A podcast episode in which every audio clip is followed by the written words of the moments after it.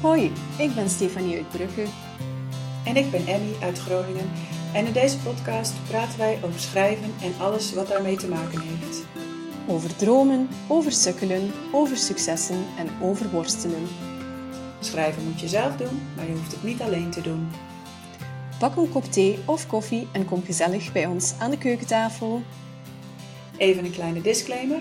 Omdat wij de podcast op afstand, dus online, opnemen, is de geluidskwaliteit niet van studioniveau. Maar hé, hey, het gaat om de inhoud, toch?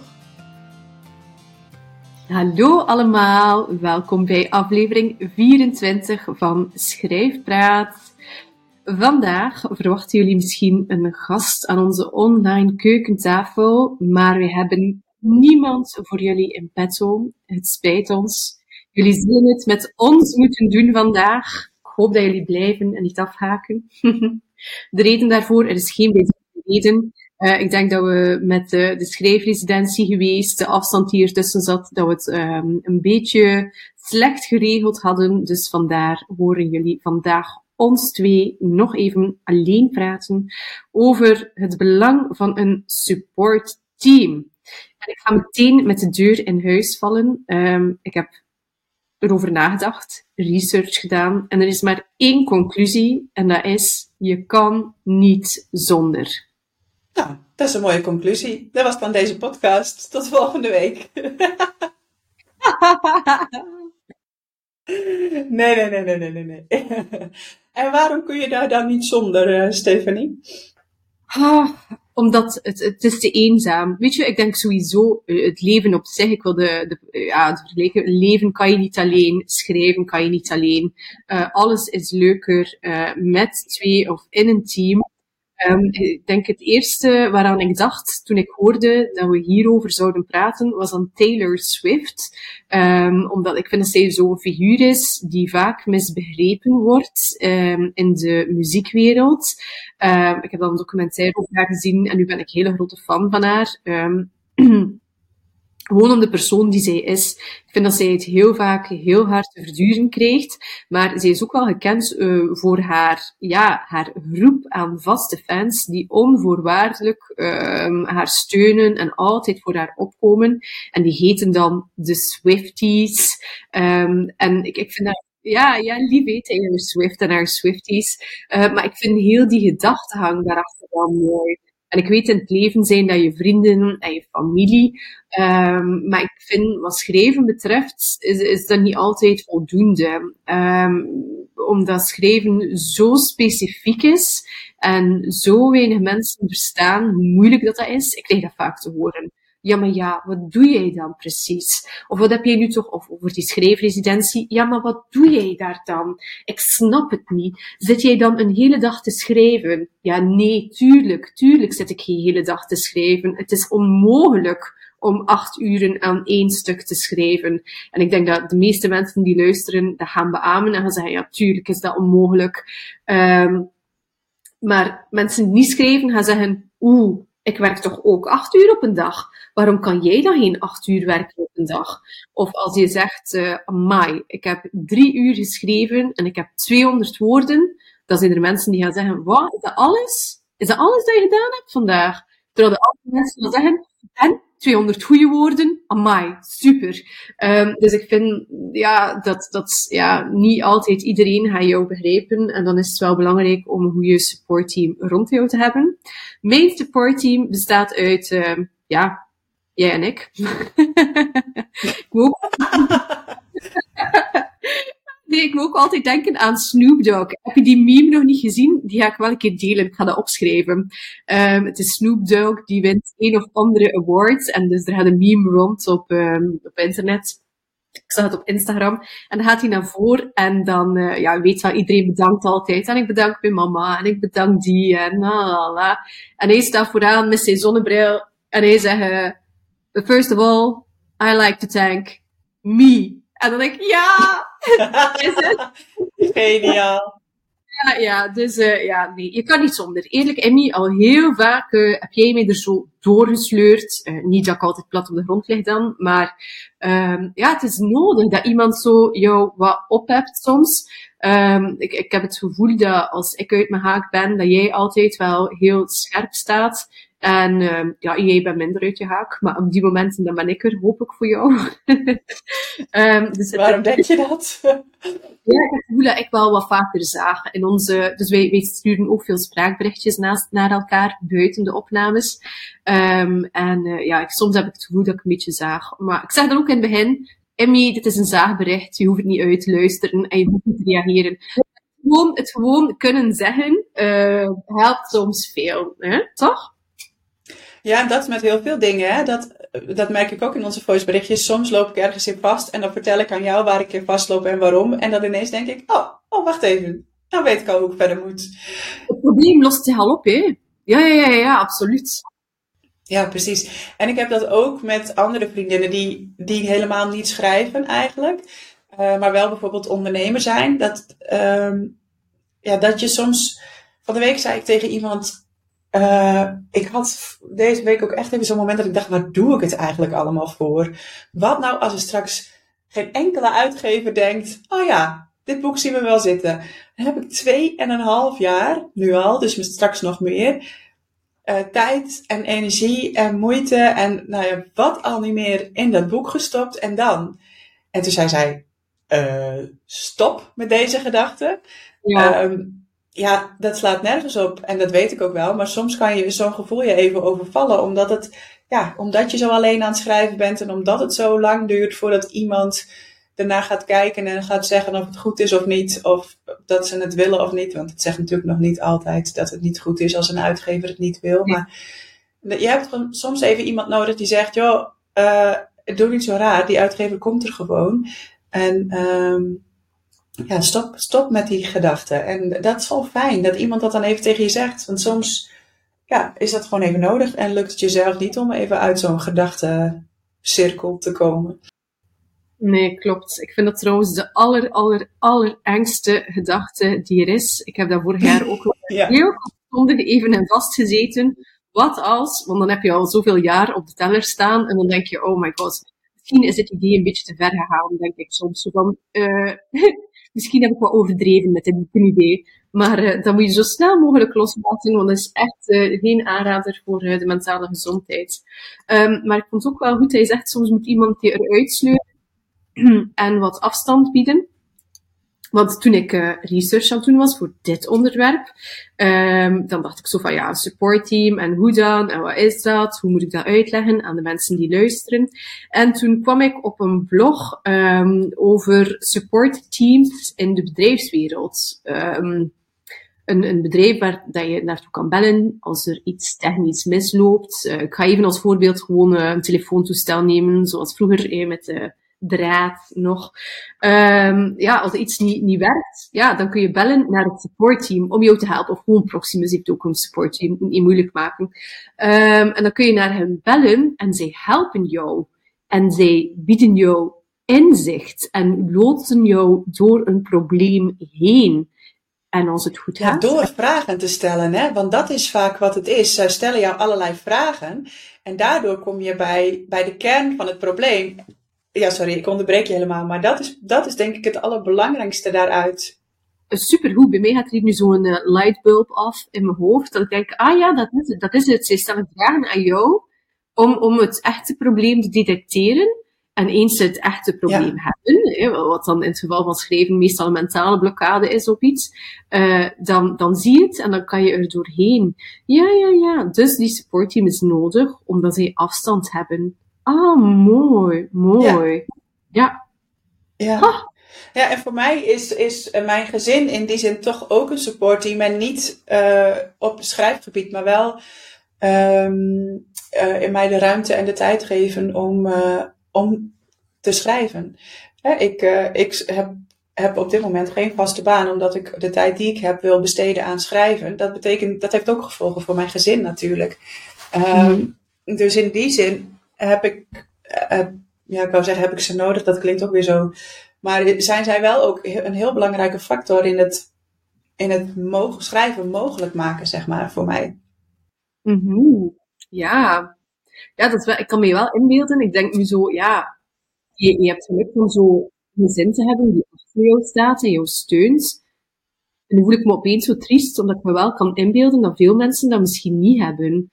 Um, of daarmee bedoel ik, ja, oké, ik heb nu niet zo als jou een gezin achter mij, maar omdat het geen zin is, omdat ik alleen ben. Maar ik bedoel, er zijn ook mensen met een gezin die die steun gewoon niet hebben binnen hun gezin. Die misschien elke dag zich moeten verantwoorden voor hun keuze. En dat lijkt mij enorm, enorm belastend. Ja, en dat is wel, om misschien om nog een keertje even heel transparant te zijn. Kijk, ik heb dus ook geen inkomen op dit moment. En dat betekent dat wij van het inkomen van mijn man leven. Nou kan dat. Dus dat is ook een groot geluk wat wij hebben. Maar dat mhm. betekent wel dat wij over grotere uitgaven anders moeten nadenken dan toen ik nog wel uh, ook een behoorlijk inkomen had. En dat is een keuze. En uh, die, hebben we, die heb ik niet alleen gemaakt. Die keuze hebben we samen gemaakt. Want ik vond, daar, daar moeten we allemaal achter staan. Mm. Um, ja, ik wil zeggen, natuurlijk, iedereen moet erachter staan, want iedereen moet ook een beetje inleveren. Hè. Ik, ik maak die keuze voor mijzelf. Ik heb geen, geen gezin waarmee dat ik rekening moet houden, maar nog komt dat met consequenties. Dus bij, bij jou zal dat ook zo zijn. Hè. Als je kiest voor iets, dan ja, kies je ook voor iets niet. En dat is die twee inkomens waar je niet voor kiest. Ja. Ja, klopt. En uh, ik vertelde laatst uh, aan iemand uh, ja, dat ik bijvoorbeeld in de vakantie nooit problemen heb om opvang voor mijn kinderen te regelen, omdat ik er altijd zelf ben. En dat mijn kinderen nooit naar de opvang gaan, omdat ik smiddag zelf thuis ben. Maar dat is een keuze. Het is een keuze die wij hebben gemaakt, omdat ik ben gestopt met werken om me helemaal op het schrijven te kunnen richten. Daardoor uh, wilden we niet meer uh, een heleboel geld uitgeven aan opvang. En dus schrijf ik tot twee uur of tot kwart voor twee smiddags. En daarna haal ik de kinderen uit school en ben ik elke middag zelf met de kinderen thuis. En als je mij dat vijf jaar geleden had gezegd dat ik dat zo zou doen, dan zou ik je echt uitgelachen hebben. Want dan zou ik echt denken, oh, ik zou gek worden. Maar ik vind het heerlijk. En dat is vooral omdat ik overal tijd voor heb. Ik heb tijd om op maandag mee te gaan naar basketbal, om op woensdag mee te gaan naar zwemles, om op vrijdag mee te gaan naar de voetbaltraining. En dat is zo fijn dat ik dat kan regelen. En toen zei iemand tegen mij, ja, maar bij ons kan dat niet. En toen dacht ik, ja, ik dwaal een beetje van het onderwerp af, maar, maar het is wel een keuze. Je kunt, daar, je kunt daarvoor kiezen als je dat echt wil. En dan heeft dat consequenties, die moet je erbij nemen, want die horen erbij. Um, en die, die consequenties zijn niet alleen voor jou, die zijn ook voor je, je man. En mijn kinderen hebben hier niet in mee besloten hoor, die zijn daar echt veel te jong voor om daar iets van te vinden. En die merken er in principe ook niet heel veel van, want wij kunnen gewoon nog op vakantie en dat soort dingen. Dus, um, maar ja, ja daar, daar, daar zit wel een heel groot stuk support ook voor mij. Mm -hmm. Ja. Ja, er gaat van alles door mijn hoofd als ik dit hoor, omdat ik weet dat voor veel mensen um, hebben een schrijfdroom, uh, willen een boek um, ja, schrijven en dan uitgeven.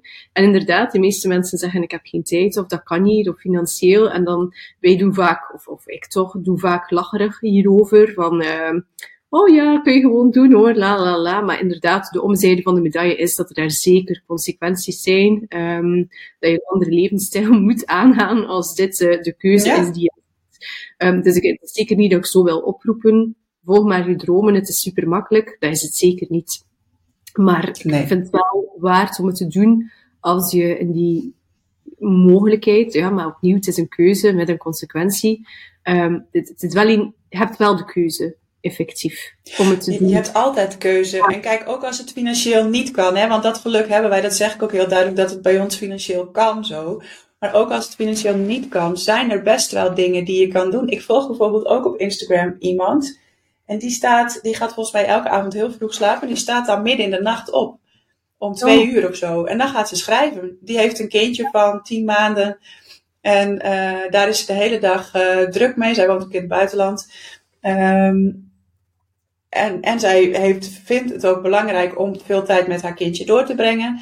Dus die, ja, die staat dan gewoon s'nachts uh, uh, heel vroeg op en dan gaat ze schrijven. En ik denk, ja, je kunt zeggen, ja, dat kan ik niet, want ik ben, uh, ik heb mijn slaap nodig. Maar, ja, ik vind in al dit soort dingen, er is altijd een mogelijkheid. Maar daarvoor moet je wel keuzes maken. En daarvoor moet je soms ook gewoontes aanpassen. En roepen, dat kan ik niet, of het kan niet, of dat is eigenlijk meer, ik wil het niet. Dat, dat, zo stug wil ik het niet zeggen van ik wil het niet. Ik denk dat soms ook um, echt die overtuiging is van het kan niet. Um, ook de schrik, ook het idee van wat gaat de, de maatschappij denken. Ja, ik durf soms ook niet gewoon zeggen, ja, maar dit is nu hoe ik leef. Uh, ja, bij mij zijn er zeker dingen gesneuveld. Ik, uh, ik ga niet op reis. dat is niet mogelijk. Ik had mij voorgenomen om geen nieuwe kledij meer te kopen. Um, nu ja, kan ik daar wel tegen, maar goed, toch. en daarmee bedoel ik, mijn kledijkast is gevuld genoeg. Um, maar toch, als ik nu dingen koop, dan koop ik altijd tweedehands. En ik, ik zeg altijd, het is voor het milieu, maar het is eigenlijk nog meer voor mijn portemonnee. dus het zijn allemaal keuzes die je maakt in uh, functie van ja. een droom. Maar zeggen van, ja, ik wil het niet, oh, dat vind ik zo hard. Uh, dan denk ik, nee, nee, niet. Maar ik, ik, ik zeg het ook zo hard omdat ik vind dat je erover na moet denken. Van, kan het echt niet? Of maak jij gewoon die keuze niet daarvoor? Dat, kan, dat is ook prima, hè? Als je het niet wil, is het ook prima. Als jij zegt, ja, ik heb helemaal geen zin om twee uur op te staan. Ik heb geen zin om financieel dingen in te leveren. Ja, uh, prima. Maar het is een keus. Dat is een keuze. Ik zeg niet dat je dat, dat, je dat moet doen. Mm -hmm, Nee, ja, ik denk dat we, we allemaal wel um, een beetje in die stroom van het leven zitten, in die verwachtingen, uh, verwachtingen, verplichtingen, ik weet niet welk woord het meest toepasselijk is, uh, van moeten op een werk zijn, moeten uh, bijdragen, um, ook denken. Ik heb dat heel vaak gehad vroeger, dat ik dacht dat ik onmisbaar was op een werk hoe dat ik ooit dat gedacht heb, alsof de wereld niet draaide voor mijn bestaan. Echt absurd. Um, daar ben ik nu wel van afgestapt, van nee, nee, iedereen is misbaar. Um, um, je bent niet, uh, ja, niet onmisbaar op een werk of in de wereld, of, of het bedrijf zal ook wel draaien als je besluit niet meer voor het bedrijf te werken. maar goed, het zijn geen makkelijke beslissingen soms moet er ook iets gebeuren, hè, waardoor je door een soort, uh, uh, tot een soort beslissing wordt gedwongen. Bij mij was het ook dat ik thuis kwam te zitten met burn-out klachten. En dat ik, um, net toen ik vervolgens een, paar jaar later net besloten had om volledig voor mijn eigen bedrijf te gaan. En toen uh, corona kwam, COVID. Um, ja, soms zijn dat soort dingen ook nodig om je te helpen om keuzes te maken. Ik weet ook niet of ik zonder dat deze keuze had gemaakt. Een soort wake-up call bedoel je? Van dit gaat niet meer de goede richting uit. Gelukkig, ja. Ja, of even niet anders kunnen door omstandigheden en dan ineens denken, oh, wacht eens even. Ja, waar ben ik mee bezig? Ik denk bij mij de laatste tijd, um, ik word vaak getroffen door het idee hoe, hoe kort dit leven maar is en hoe vergankelijk. En dan, ik weet niet, ja, ik ben nogthans maar 35, maar ja, ik denk, mijn, mijn grootmoeder is gestopt op haar 70ste. Dus bij mij is dat zo van, oh ja, ik kan zomaar halverwege zijn. Nu ja, ik kan al over de helft zijn ook. Je weet niet wat het leven brengt. Maar ik ben me zo bewust van, dit is zo kort. Um, Hoe, hoe zou ik willen terugkijken dan op het einde? En dan denk ik van, oh, ik zou toch wel graag willen gezegd hebben dat ik alles gedaan heb wat ik wou doen. En ook al was het moeilijk, ik heb het toch gedaan. Um, ja. Hm. Misschien moeten we terug dwalen naar uh, het onderwerp. We zijn zo ver weg titel veranderen van deze opname. Dus support team Moest was blijkbaar even gezegd worden dit. Minstens zo belangrijk. Ja. Ja. Ik had ook nog um, bedacht van ja, soms kan een schrijfgroep ook heel helpend zijn. Hè? Ik denk, jij hebt dat met je mede-klasgenoten ook een beetje. Uh, ja. En ik heb soms wel dat ik denk, oh, ik zou het toch wel tof vinden, zo'n schrijfgroep. En en wat me dan de hele tijd tegenhoudt, is dat ik het ook eng vind. Dat mensen dan dingen van mij gaan lezen en daar iets van gaan vinden. En, dus, um, en toch komt er ook af en toe weer zo'n moment dat ik denk, ah, ik zou toch wel zo'n schrijfgroepje willen. Misschien ook een oproep. Als mensen denken van, goh, ik heb nog geen schrijfgroep en ik zou dat wel willen.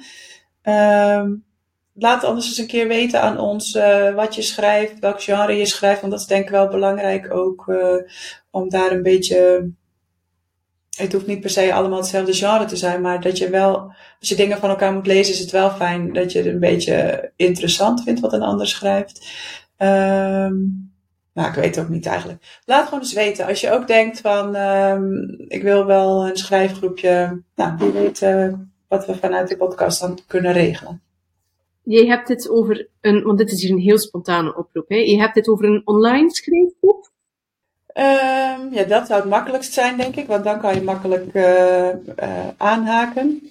Um, maar het kan, kijk, als er mensen zijn die zeggen ik woon hier en, als, en zijn er andere mensen die uit die regio komen die mee willen doen, is ook prima. Kijk, ik ga dat niet allemaal organiseren, Maar uh, dan kun je misschien met elkaar in contact komen daarover. Mm En uh, heb je al een keer gekeken of dat er geen schrijfgroep in jouw buurt is, waar dat je fysiek aanwezig kan zijn? Want ik moet zeggen, ik vind het um, heel leuk om eigenlijk elke maandag tijdens de schoolweken hè, samen te komen in de academie met mijn ja, klas. Dat is gewoon ja. leuk om fysieke band met elkaar te hebben en elkaar te zien. En daar komen toch, hoe, hoe tof dit online opnemen ook is, um, fysiek afspreken heeft ook heel veel voordelen. Zeker als het op schrijven aankomt, ja. want vaak heel intieme teksten, um, vaak vanuit een eigen leven, die vaak beginnen vanuit een uh, eigen levensverhaal.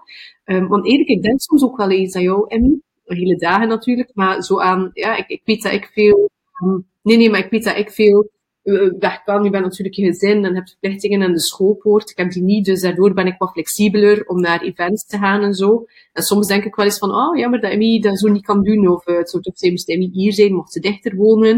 Um, en denk ik van, oh, zou het niet leuk zijn om gewoon een fysieke schrijfgroep om de hoek te kunnen hebben, zo op woensdagmiddag, ik zeg ja. iets.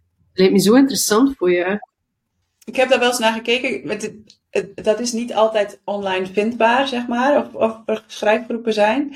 Uh, maar wat wel grappig is, wij hebben hier in de stad sport- en cultuurhopper. En dat was altijd alleen voor kinderen. En dan kun je uh, vier of vijf of zes keer een bepaalde sport proberen als kind. Uh, om te kijken of je dat leuk vindt. Nou, mijn kinderen hebben daar altijd heel enthousiast aan meegedaan. En tot mijn verbazing zag ik deze keer dat, er, dat het ook voor volwassenen is, sommige dingen nu. Maar dat er ook iets van schrijven tussen zat. En ik zei, nou, daar ga ik me natuurlijk meteen voor aanmelden. Blijkt er dus een schrijfcafé te zijn hier in de stad. Stop het. En je wist dit niet? Nee, wist ik niet. Maar dat is, um, dus daar ga ik sowieso één keertje naartoe nu. Maar ik dacht wel, misschien ontmoet ik daar wel mensen die, die ook in een schrijfgroepje zouden willen, wat je zelf organiseert. Goed, ik dacht, ik ga er sowieso naartoe. En um, dan eens kijken wat, of ik daar weer mensen leer kennen die, uh, die dezelfde ideeën hebben.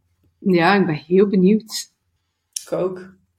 Wat ik verder nog had opgeschreven, Emmy, um, omdat ik dan toch in de bedrijfswereld aan het opzoeken was hoe supportteams werken, kom ik opeens uit op uh, hoe stel je een team samen. Nu, voor ons is dat niet zo dat we ons eigen sportteam echt samenstellen.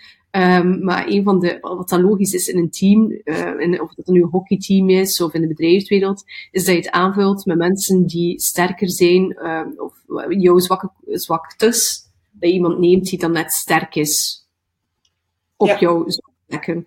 Um, dus um, ja, dan zit ik meer te denken als je een supportteam hebt waarvan je verwacht uh, dat ze meelezen met jouw teksten en je weet dat jij poëtisch misschien niet zo sterk bent, dat je misschien iemand in jouw leesgroepje steekt, of in jouw proefleesgroepje steekt, die poëtisch wat sterker is en jou daar kan op wijzen. Ja.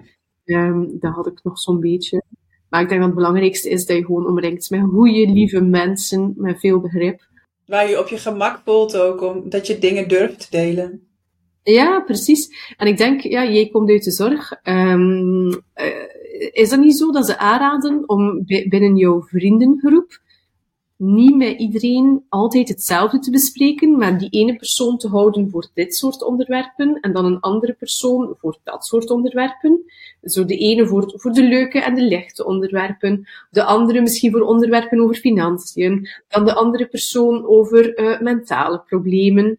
Um, misschien is dat ook wel iets om in gedachten te houden. Als je een supportteam hebt, spreid de last een beetje. Ga niet aan alle vijf mensen het, het volledige verhaal vertellen, belast ze daar ook niet mee en jezelf ook niet. Maar hou ja, persoon A voor de leuke dingen, persoon B voor financiën, persoon C voor de inhoud, persoon D voor mentaal. Maar zeggen ze dat niet of verzin ik dit nu ter plekke? Ik weet niet waar dit vandaan komt eigenlijk.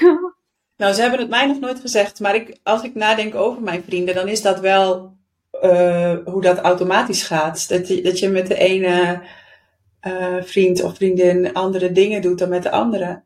Um, dat, ja, dat, dat groeit ook automatisch zo, volgens mij. Mm -hmm. Ja, ja, misschien wel. Goh, zie, weet je wat ik ook opgeschreven had? Het is iets helemaal anders. Ik heb ook wel zo, soms, soms vormen supportteams zich rond jou, zonder dat je er echt om vraagt, omdat mensen aanhaken. Ja. En je weet nooit echt hoe dat gaat eindigen, maar ik heb het ook wel al gehad dat mensen aanhaken en op een bepaald moment, um, dat klinkt um, hard, energielekken worden. Dat, dat het geen support meer wordt, maar dat het echt zo training wordt. Ik denk van, nou, dit is niet de bedoeling. Ja. Um, ja. En ik denk dat een belangrijke is dat je, ja, zeker voor mij, misschien spreek ik te veel uit uh, eigen ervaring, dat leren begrenzen. Dat je wel een keer nee mag zeggen ook tegen mensen. Dat niet is omdat je deelt, dat je daarom alles deelt. Je deelt wat je wil delen. En dat betekent niet dat we beste vrienden zijn. Dat betekent niet dat we een band hebben voor altijd. Uh, mensen komen soms kort in jouw leven, soms lang, soms dichtbij, soms oppervlakkig. Um, maar ik heb wel al gemerkt dat, dat dat gebeurt. En jullie zullen dat ook wel al gemerkt hebben, dat mensen claimen en dat je dat echt wel mag begrenzen. Ik heb daar wel al fouten in gemaakt, denk ik. Vond dat te ver en te lang mee te slepen. Dat is niet goed, want dan word je supporting, ja, dat wordt een soort trainingsplotje en dat is ook niet helemaal de bedoeling. Nee, precies. Ik denk dat je daar heel, heel kritisch in mag zijn. Uh, een supportteam is natuurlijk bedoeld om te supporten. En niet alleen zij naar jou, ook jij naar, naar de anderen. Maar dat moet wel in balans zijn natuurlijk. Het zijn bijna levenslessen in plaats van schrijverslessen. Oh, man, wat een podcastaflevering is dit. maar vooral doen wat goed voelt, denk ik. Dicht bij jezelf blijven, goede mensen omringen en veel plezier maken. Nou, daar laten we het bij voor vandaag. Wat een super mooi slot. Ja. Dit was uh, aflevering 24 over het supportteam en nog een heleboel andere dingen. um, we hopen dat je het. Uh, het toch weer leuk vond. En uh, dat we je de volgende keer weer uh, zien, wilde ik zeggen. Maar dat jij ons de volgende keer ook weer hoort. Doei! Tot dan, doei! Hey, leuk dat je weer geluisterd hebt. Luister je graag naar Schrijfpraat en wil je ons ondersteunen? Dan kun je doneren via petjeaf.com schrijfpraat. We zetten de link ook in de show notes. Je kunt ons ook helpen door een review te schrijven of een beoordeling te geven. Vijf sterren of zo. Daardoor komen wij hoger in de lijsten en help je nieuwe luisteraars om ons te vinden.